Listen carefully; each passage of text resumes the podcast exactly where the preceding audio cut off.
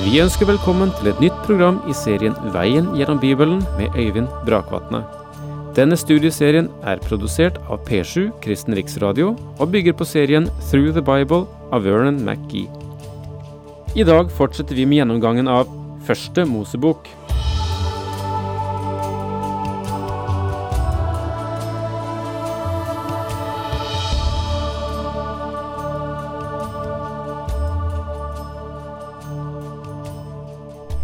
I den bibeltimen vi tar for oss i dag, er vi inne i en av de store spenningsperioder i Abrahams liv. Det er forholdet til Hager det gjelder, og senere forholdet til Ismael. Og vi går inn i det 16. kapittel i vers 11, og der står det slik. Så sa Herrens engel til henne, Nå er du med barn, og du skal føde en sønn. Du skal gi ham navnet Ismael, for Herren har hørt hva du led. Han skal bli et villesel av en mann. Hans hånd skal være vendt mot alle, og alles hånd mot ham. Han skal slå seg ned like for ansiktet på alle sine frender. Har du sett disse versene i lys av 4000 års historie i Midtøsten? Hva er det som foregår der i dag? Ismaels avkom er som villesler. Og det har vært historien til disse beduinstammene i ørkenen gjennom århundrene. Og det er en oppfyllelse av den profeti som Gud gav. De vil påstå at de er Abrahams sønner men de er også Ismals sønner.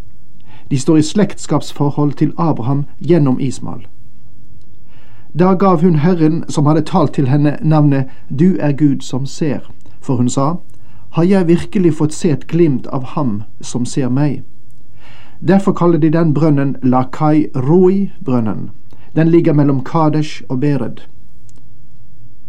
Du verden hvor nådig Gud er mot Hagar.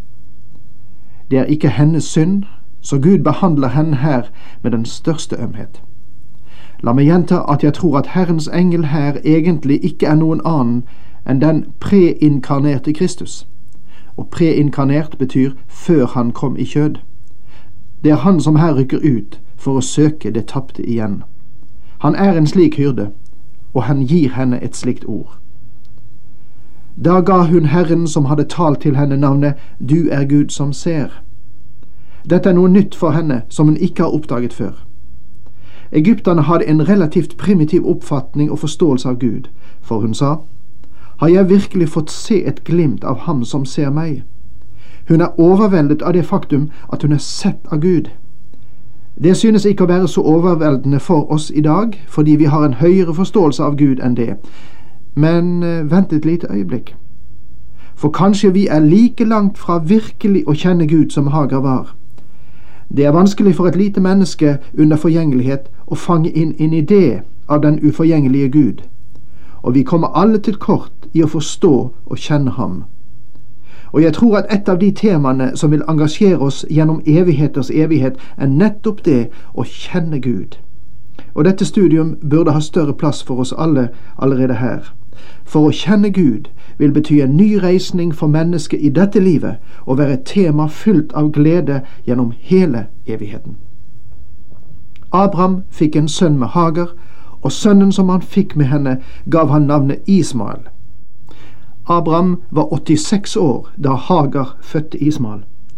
Husk at Ismael var Abrahams sønn. Abraham var nå 86 år gammel. Før vi nå går videre, vil jeg gjerne få rekapitulere de syv gangene som Gud åpenbarer seg for Abraham. Vi har allerede vært vitne til fem. Det var visse mislykkede forhold i Abrahams liv, men det var også vellykkede perioder. Faktisk var det syv prøver Gud ga ham, og i den forbindelse kommer åpenbaringen. For det første, Gud kalte Abraham ut av Urikaldea, hans hjem, og Abraham gav en delvis respons. Hans tro var svak og ufullstendig, men han dro i alle fall. Abraham nådde til slutt trygt frem til Kanans land, og Gud velsignet ham. For det andre så kommer hungersnøden i Kanan. Og Abraham flyktet fra Kanan til Egypt. Der fikk han rikdommer og Hagar, og begge var snublestener for ham. Den tredje åpenbaring er dette. Abraham ble gitt rikdommer som var en virkelig prøve. De har vært snublestener for mangt et menneske opp gjennom tidene. Kanskje noen av oss heller ville ha den prøven enn andre som de har gjennomgått, men Jeg føler personlig at jeg ikke alltid ville ha stått mot det trykk og press som rikdom representerer. Abraham glemte ikke Gud, og han var både sjenerøs og storsinnet mot sin nevø Lot. Rikdommen resulterte i at han skilte lag med Lot, og Gud åpenbarte seg for ham igjen. Det fjerde tilfellet Abraham ble gitt makt gjennom at han seiret over kongen i øst. Det var en virkelig prøve fordi han kom ut som seierherre.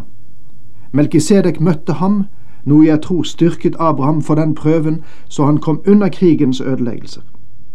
Etterpå åpenbarte Gud seg for Abraham og oppmuntret ham. For det femte Gud drøyet med å gi Abraham en sønn med hans hustru Sarai. Abraham ble utålmodig, og etter press fra Sarai tok han saken i egne hender og beveget seg utenfor Guds vilje. Ut av det kom Ismals fødsel. Og araberne plager fremdeles nasjonen Israel, og det vil de fortsette med, tror jeg, til tusenårsriket setter inn. Abrahams to siste prøver opptrer den sjette ved ødeleggelsen av Sodoma og Gomorra i kapittel 18, og den syvende ved ofringen av sønnen Isak i kapittel 22. Og her må vi avslutte det 16. kapittel, enda det er mye interessant stoff. Men les for deg selv. Nå går vi over til kapittel 17 i Første Mosebok. Mange føler at det 17. kapittel er selve toppen av Første Mosebok. Her inngår Gud en pakt med Abraham og bekrefter sitt løfte til ham om en sønn. Han lar Abraham vite at Ismael ikke er løftesønnen. På en måte er dette kapitlet nøkkelen til første Mosebok, og delvis til hele Bibelen. Guds pakt med Abraham angår to viktige ting en slekt og et lam. Han åpenbarer seg selv for Abraham ved et nytt navn, El Shaddai, den allmektige Gud, og han gir også Abraham et nytt navn. Til nå har hans navn vært Abraham. Her blir det endret til Abraham. Abraham betyr opphøyet far, og Abraham betyr far for en tallrik gruppe. At Ismael ikke var den sønn Gud lovet Abraham, gjør dette kapitlet helt klart.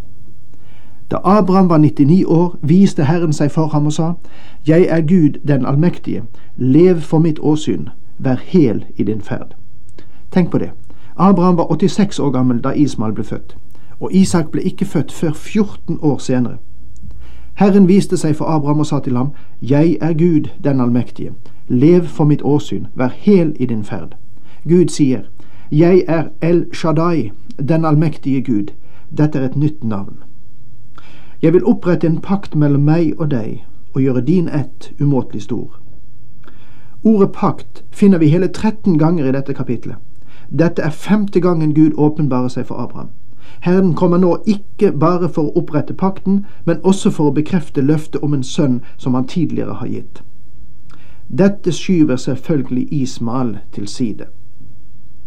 Paulus skriver i fjerde kapittel i Romerbrevet. Han var jo snart 100 år, men han vaklet ikke i troen da han tenkte på sin egen kropp som var uten kraft, og på Saras døde mors liv. Saras mors liv var dødt, sies det her, og ut av døden kom livet. Isak ble født. Paulus avslutter det fjerde kapittel med å si dette om Jesus. Han som ble overgitt til døden for våre synder og oppreist for at vi skulle bli rettferdige for Gud. Liv ut av død. Det er det løftet Gud nå gir denne mannen. Abraham er 99 år gammel. Det betyr at Sarai er 89. Da Isak ble født, var Abraham 100 og Sara 90. Da kastet Abraham seg ned med ansiktet mot jorden, og Gud sa til ham, Se, jeg slutter en pakt med deg, du skal bli far til mange folk. Gud sier at Abraham skal bli far til mange folk, eller nasjoner. Og det har vel slått til. Bare tenk på det. I 4000 år har det vært to store utviklingslinjer, linjen fra Ismael og linjen fra Isak. Og det har vært millioner avkom fra hver linje. Hvilken familie! Hvilken oppfyllelse! I tillegg til det er det den åndelige linje. For vi kristne kalles Abrahams barn ved troen på Kristus. I Romene 4,16 skriver Paulus med tanke på Abraham han er jo far til oss alle. Det vil si for alle troende, også av nasjonen Israel, og for arabere. Bare tenk på disse millioner av mennesker. Gud sier, Jeg gjør deg til far for mange folk. Og det løftet har han sannelig holdt. Du skal ikke lenger hete Abraham, men Abraham skal være ditt navn, for jeg vil gjøre deg til far for mange folk. Abraham betyr opphøyd far. Abraham betyr far for en stor skare. La meg få flette inn et lite bilde her for å illustrere noe av Abrahams tro. Tenk deg i morgen, mens Abraham og Sarai arbeider utenfor teltet. Så nærmer en karavane seg deres lille oase, skapt av Hebron. Abraham går dem i møte, og de ber om å få vanne kamelene sine. Det var mange gjestfrie mennesker i de dager, og det er meget interessant. Vi tenker ofte på folk i de tider som barbariske og ugjestfrie. Men saken er at ingen vandret gjennom landet i de tider uten at noen åpnet sine hjem og tok imot dem. Men kommer noen til en av våre byer, så er det mer tvilsomt om de vil åpne dørene. Selv om det er en mengde kristne i området. Vår kultur er så helt forskjellig i dag, og vi savner helt sikkert den selvfølgelige og trygge gjestfrihet de hadde.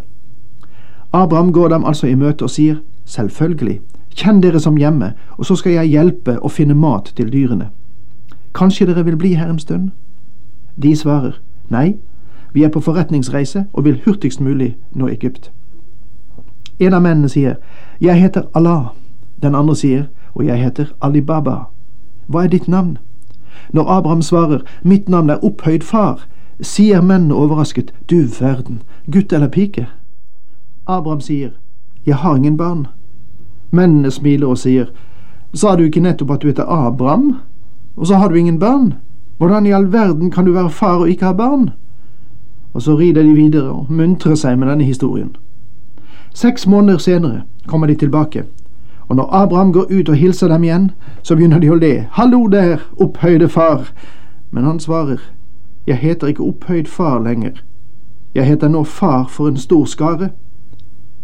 Og handelsmennene hever øyenbrynene. Du verden, du må ha fått tvillinger.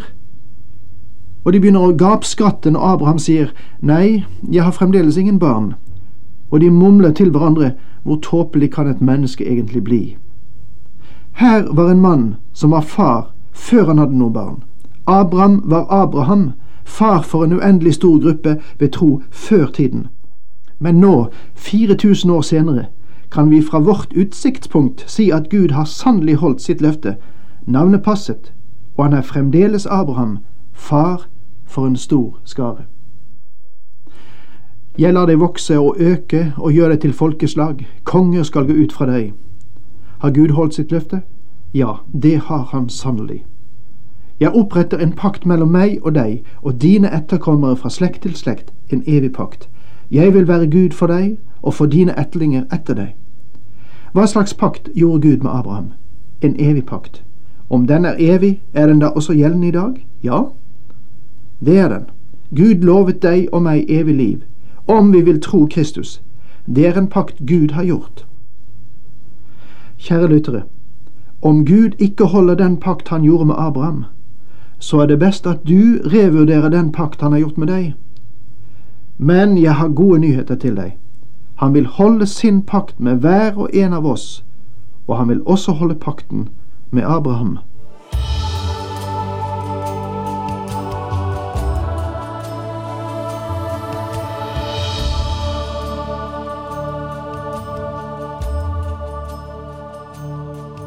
Du hørte Øyvind Brakvatne i studieserien Veien gjennom Bibelen.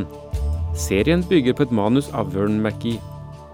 Har du spørsmål eller kommentarer til programmet, kan du sende en e-post til vgb krøllalfa p7.no. Takk for i dag, og på gjenhør.